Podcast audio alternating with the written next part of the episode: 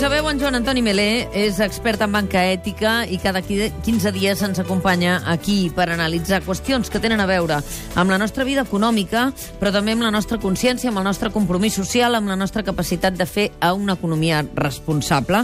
I, per tant, és una persona que assessora la Cambra d'Emprenedors i Empresaris de Catalunya, que ha escrit llibres com Dinero i Conciencia, l'economia explicada als joves, i avui en Joan Antoni Melé ens va proposar eh, parlar d'una qüestió que ens interessa molt, que és que la cultura acostuma a ser la germaneta pobra dels pressupostos de les administracions. Mireu, ho acabem de sentir en aquesta tertúlia que teníem amb els diputats joves del Parlament. Però la inversió en cultura, en ciència, en recerca, en teixit social, en el tercer sector, no solament depèn de diners públics. El sector privat també hi posa recursos, en alguns països més que en d'altres. I bona part d'això depèn de les legislacions que hi ha a cada lloc. Desgravacions, incentius, lleis de mecenatge... A Catalunya i a l'estat espanyol aquesta és una assignatura no pendent, podríem dir pràcticament suspesa, per comparativa amb la resta de països, perquè mai s'ha trobat una fórmula que faci feliç tothom, que sigui efectiva, que faci inflar prou els recursos per projectes culturals, socials, educatius, científics i tecnològics.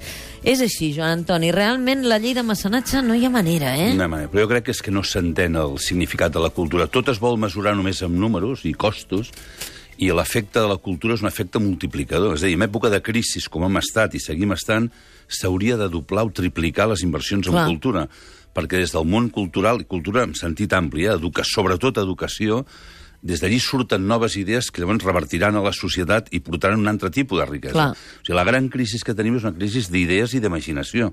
Estem, estem intentant posar parxes en el passat, però falta creativitat i quan parlem de creativitat no només tecnològica, que sempre acabem parlant de la tecnologia, falta creativitat d'idees socials.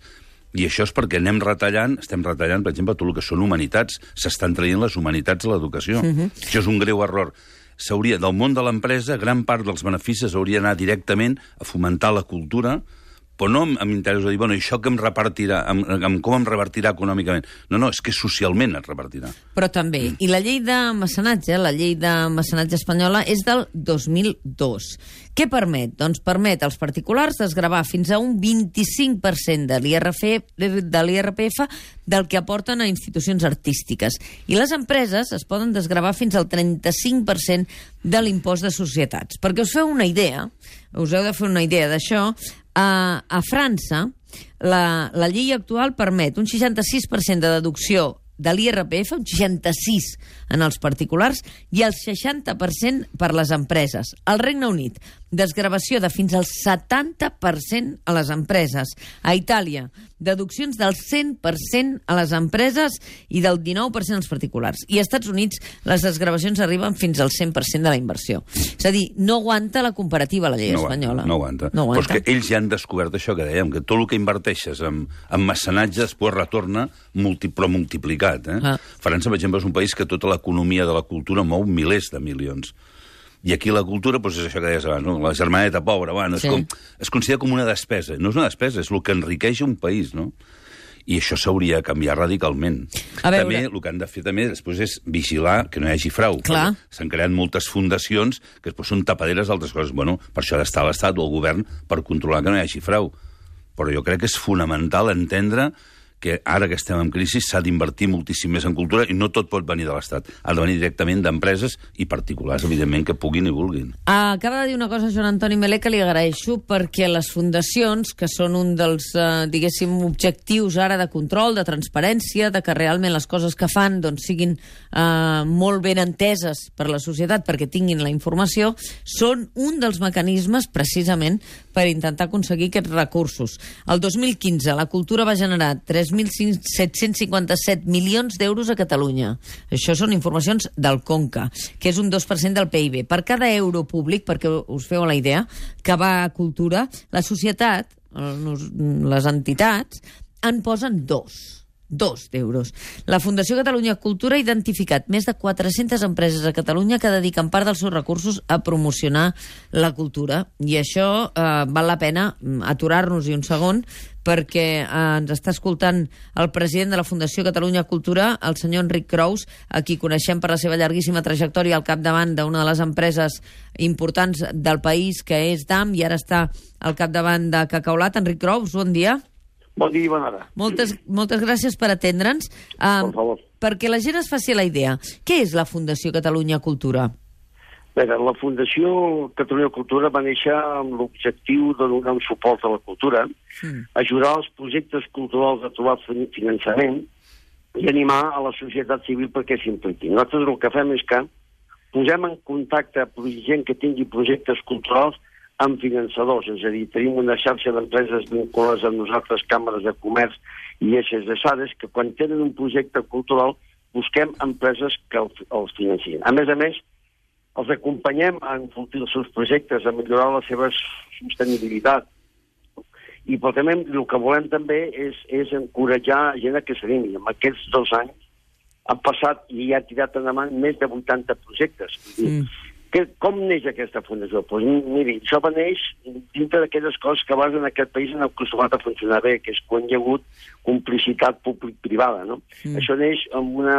Vam néixer amb, amb, amb, amb vuit empreses que ja teníem activitat en el món de la cultura, conjuntament amb el Departament de Cultura de la Generalitat, el Consell de les Arts i l'Institut Català de Finances.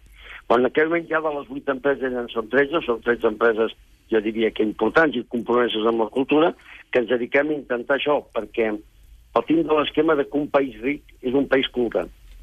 Però, una de les coses... Digui, digui'm. Enric Crous, uh, aquí, naturalment, vosaltres, que totes aquestes empreses que hi esteu implicades ja teniu per la vostra banda la vostra implicació en el teixit. En el cas de DAM, sempre ho hem dit, i quan, quan Enric Crous uh, estava al capdavant, i també ara uh, la implicació en el món casteller, perquè la gent té molt la idea, per exemple, d'una qüestió que és el futbol, que és el que més es veu.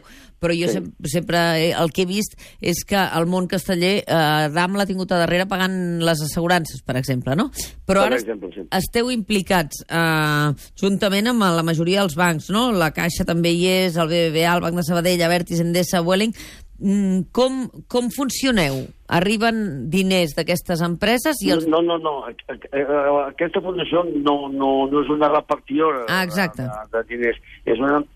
El que hem creat és el que en diríem una llotja de projectes eh, culturals. És a dir, hi ha una llotja virtual que després té dos cops a l'any una llotja presencial on els, les que, persones que tenen projectes culturals els es posen amb empreses. Ara en farem una el mes de març que en l'auditori de l'IES, on per descomptat tothom qui vulgui venir ja està convidat. És a dir, el que nosaltres que busquem, doncs, gent que tingui projectes i els ajudem a través de les nostres xarxes de coneixements i de relacions a buscar gent que, que financiï i que ajudi a, a, a través de crowdfunding o el que sigui col·laborar amb aquests projectes culturals. Uh -huh. De fet, ja n'hem fet 80 i que estan funcionant i que estan funcionant bé i creiem que aquest és el camí, perquè repeteixo, eh, per nosaltres és clau una cosa. No millorarem el país si no millorarem el seu nivell cultural. Mm -hmm. I això amb independència del que les nostres empreses a tall individual fem, que ja ho seguim fent. Però Mhm. que això és un projecte més, si m'ho diu així, una mica més de país, una mica més, de, de, de més ampli, Sí. implicant-hi gent privada. A mi, per exemple, m'entusiasma el model francès, que jo crec que és que és el model que en aquí eh, a Espanya hauríem d'intentar d'intentar seguir. A França han descobert que és una cosa important i, i, i que França és un dels països més centralistes d'Europa. Sí. Uh, la cultura és la tercera font d'ingressos. Uh, la gent s'ha arribat a entendre que la cultura no és una despesa, sinó que la cultura, amb el que genera després amb, amb, amb activitat, amb tiquetatge, amb, amb, amb, amb, feina, compensa amb escreix la teòrica en comença a veure que a mi no m'agrada parlar de despesa, sinó que m'agrada parlar d'inversió. Uh, I Enric Crous, uh, no entenem la cultura si no l'entenem en el sentit més global. Uh, projectes socials, educatius, uh, també la ciència i la recerca, no? Oh, esclar, esclar que sí, és que, és que, hi ha, és que la frontera entre aquestes coses és molt, és, és, és molt prima, eh? Vull dir, uh, on, on comença la cultura i on acaba lo social? Pues, per mi va una mica tot barrejat. Hi ha, hi ha coses que són més clares que altres, no?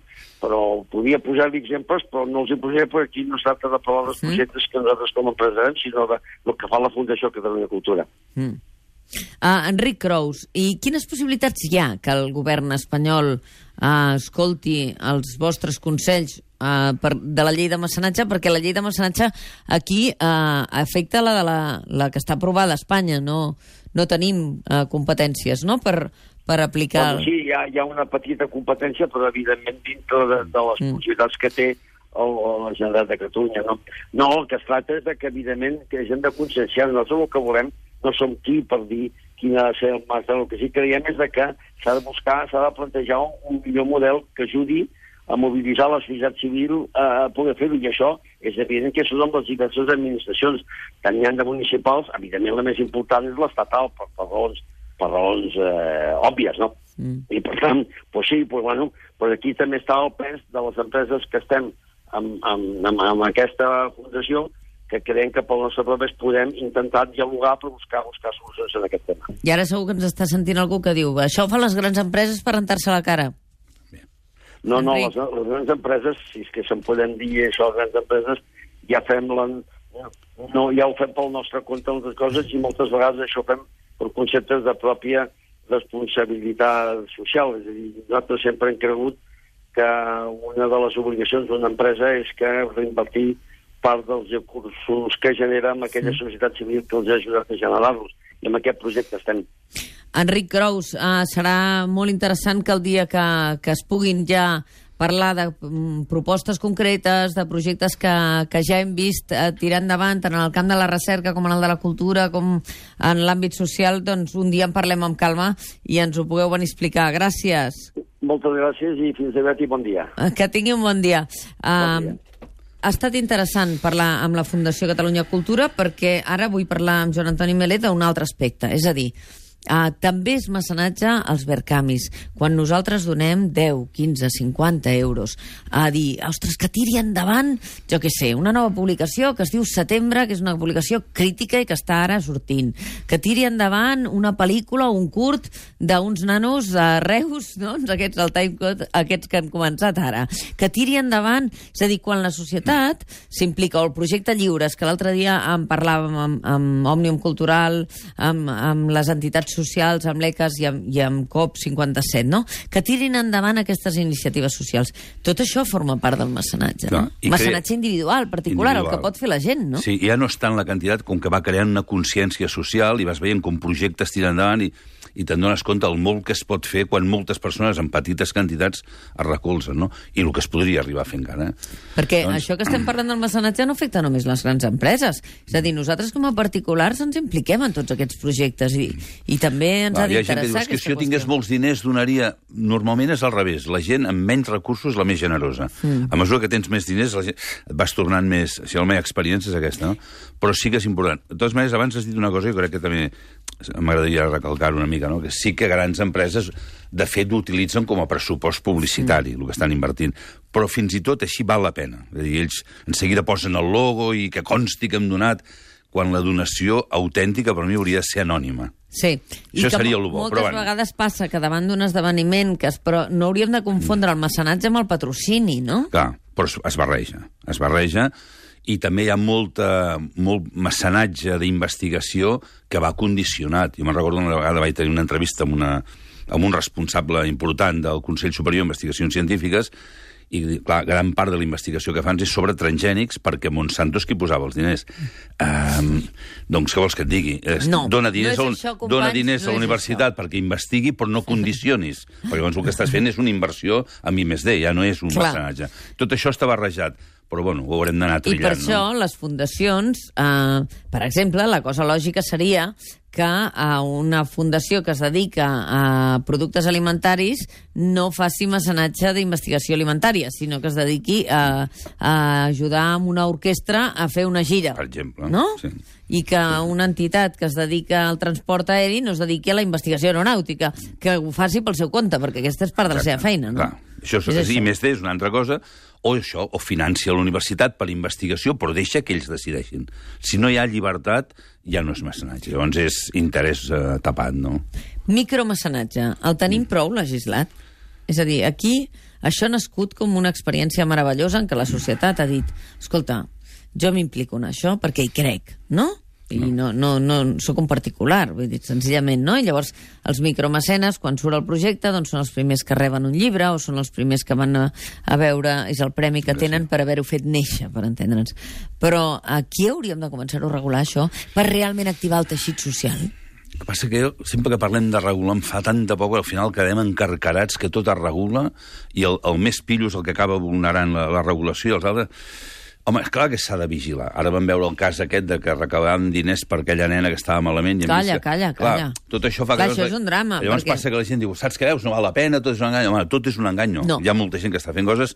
Potser el que hem de fer és assabentar-nos abans, prendre consciència també, igual que hem de prendre consciència amb quin banc volem deixar els diners, amb qui vols donar els diners. Clar. No pot ser, doncs dona'm aquest. Home, eh, assabenta't-en una miqueta abans, De qui són? qui són... I quines garanties Però quan tens? parlem de regular molt, a mi em fa por que, acabarem matant, perquè ja volen. Hi han hagut intents de que tot això del crowdfunding, suposo que hi ha entitats bancàries que no els hi agrada segons quines coses, però clar, al mig que la gent... Es... Crowdfunding pot ser donacions o gent que dona diners a crèdit, no? Eh, tot això fa por, de que la banca vagi perdent poder, però jo crec que és un tema de responsabilitat individual, sapiguem en qui estem donant els diners i, i, què fan, i controlem una miqueta, i... però molt, una mica de regulació està bé, però massa ens acaba, les regulacions ens acaben matant la iniciativa. Perquè en projectes, eh, i això és un, important perquè això és apel·lar a el que sempre diem, no? i aquí ha sortit alguna vegada aquesta qüestió de la responsabilitat individual. Quan tu dones diners a un projecte, has d'estar informat de quin és el nivell de transparència d'aquella entitat i si dones diners a un pare, un particular que et diu la meva filla té una malaltia i no demanes, eh, no demanes cap acreditació del que t'està dient i els convidem en els programes de televisió i fem espectacle de la misèria i al final resulta que és una estafa, doncs tenim un problema. Tot això és emocional, és sentimental, i està bé tenir sentiments, ens hem de moure per sentiments, però no per sentimentalisme. Hem de saber què estem fent, no? I vigilar els projectes que volem recolzar. El que no s'acaba d'entendre és per què el govern espanyol no regula bé eh, no té una llei de mecenatge. A veure, evidentment, no, la seva prioritat no deu ser el món de la cultura quan tenim l'IVA com el tenim, eh?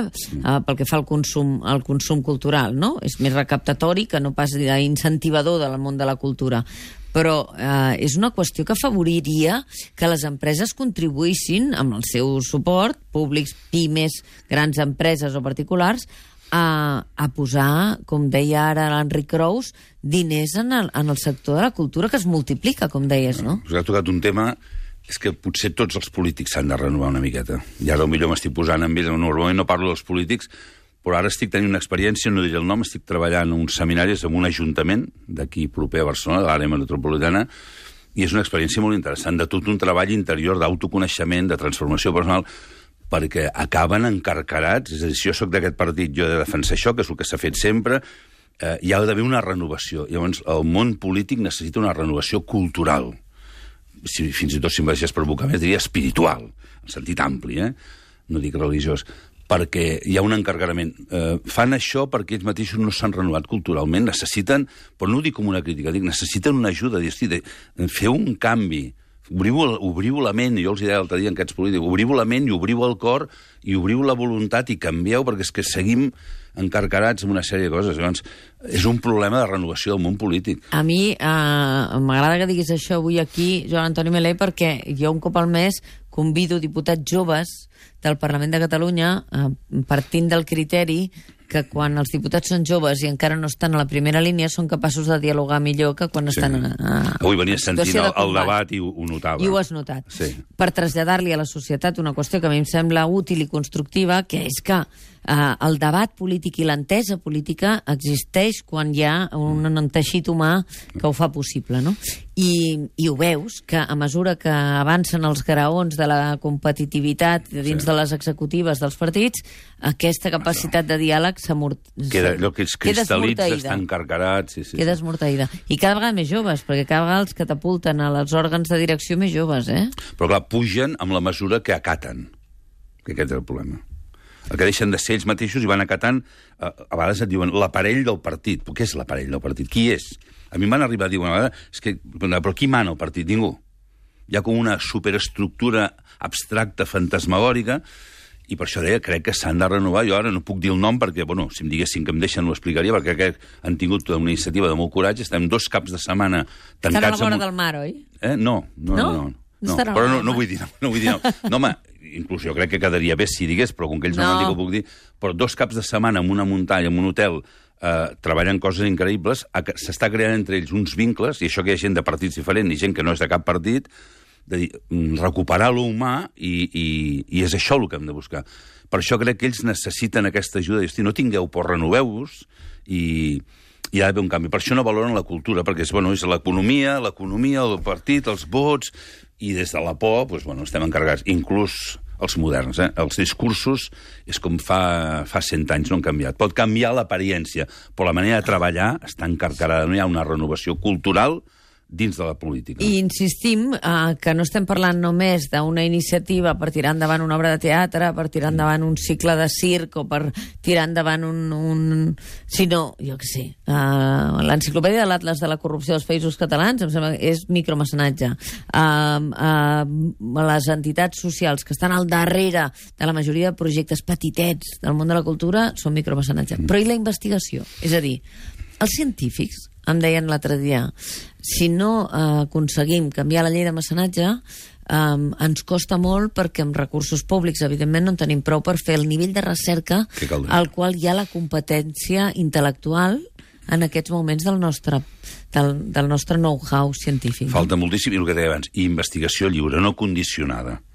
Però la gent, les empreses eh, tenen tendència més a invertir en una exposició de quadros que en un investigador que fa una recerca per aconseguir una vacuna. Clar, però per que deia, perquè moltes coses és imatge on estaré, qui ho veurà, i, i en el fons és no, dic, no és netejar imatges, és, és inversió publicitària. Aquest és el problema. Perquè us una idea, el pressupost de cultura del Departament de la Generalitat ha baixat de 345 milions d'euros eh, el 2010 a 261 milions d'euros el 2017, eh, que és el que s'ha d'aprovar ara. La diferència encara és més gran, més de 200 milions d'euros, si ho compares amb les xifres del 2007, i evidentment ha baixat, perquè són aquelles partides que com que no cremen, perquè no hi ha eh, rostres estrictament de necessitat de les persones, doncs aleshores són les primeres que cauen. I en canvi tu dius la cultura és fonamental és per fonamental. alimentar els cervells. Però inclús ja dic a l'educació, per exemple, que crec que s'hauria de doblar tot el que és educació, la part artística. Mm. Les arts amb educació segueixen sent algo marginal. Extraescolar, a la tarda perquè tot el que és educació artística és educació emocional i social. A través de l'art no tindríem els problemes que tenim ara socials de violència, d'assetjament escolar. Tot això és la manca d'educació emocional. I per això és fonamental l'art, i per això fa falta molts recursos. Per això deia, estem en crisi, doblem els recursos de l'educació, en foment de la cultura, en foment de l'art. Jo he vist a faveles de Sao Paulo sumament violentes per la droga, com a través de l'art, sobretot de la música, però de l'activitat artística, socialitzar unes faveles que no podies entrar. Això a Sao Paulo en faveles, imagina't el que podríem fer aquí.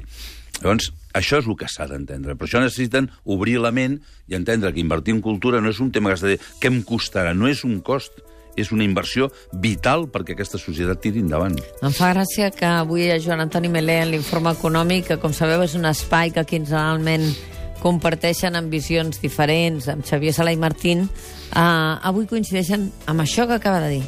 Xavier Sala i Martín sempre diu si no invertim en educació, en cultura, no hi ha manera de tirar endavant. Amb això coincidiu? Bueno, 100%. Amb altres coses no. No tant. Però, però amb això coincidiu.